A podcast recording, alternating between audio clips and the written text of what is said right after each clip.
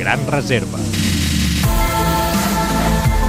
Avui faria 111 anys Johnny Weissmuller, un dels millors nedadors dels anys 20 i l'actor que va interpretar el personatge de Tarzan en 12 pel·lícules.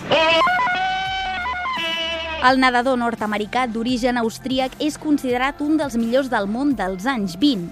Va establir un total de 67 rècords mundials i mai va perdre una sola competició.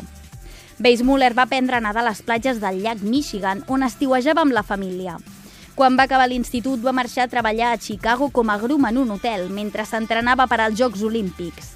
Un any més tard va trencar el rècord mundial i es va convertir en el primer esportista que va nedar 100 metres estil lliure en menys d'un minut. I dos anys més tard va guanyar les seves dues primeres medalles olímpiques en els Jocs de París.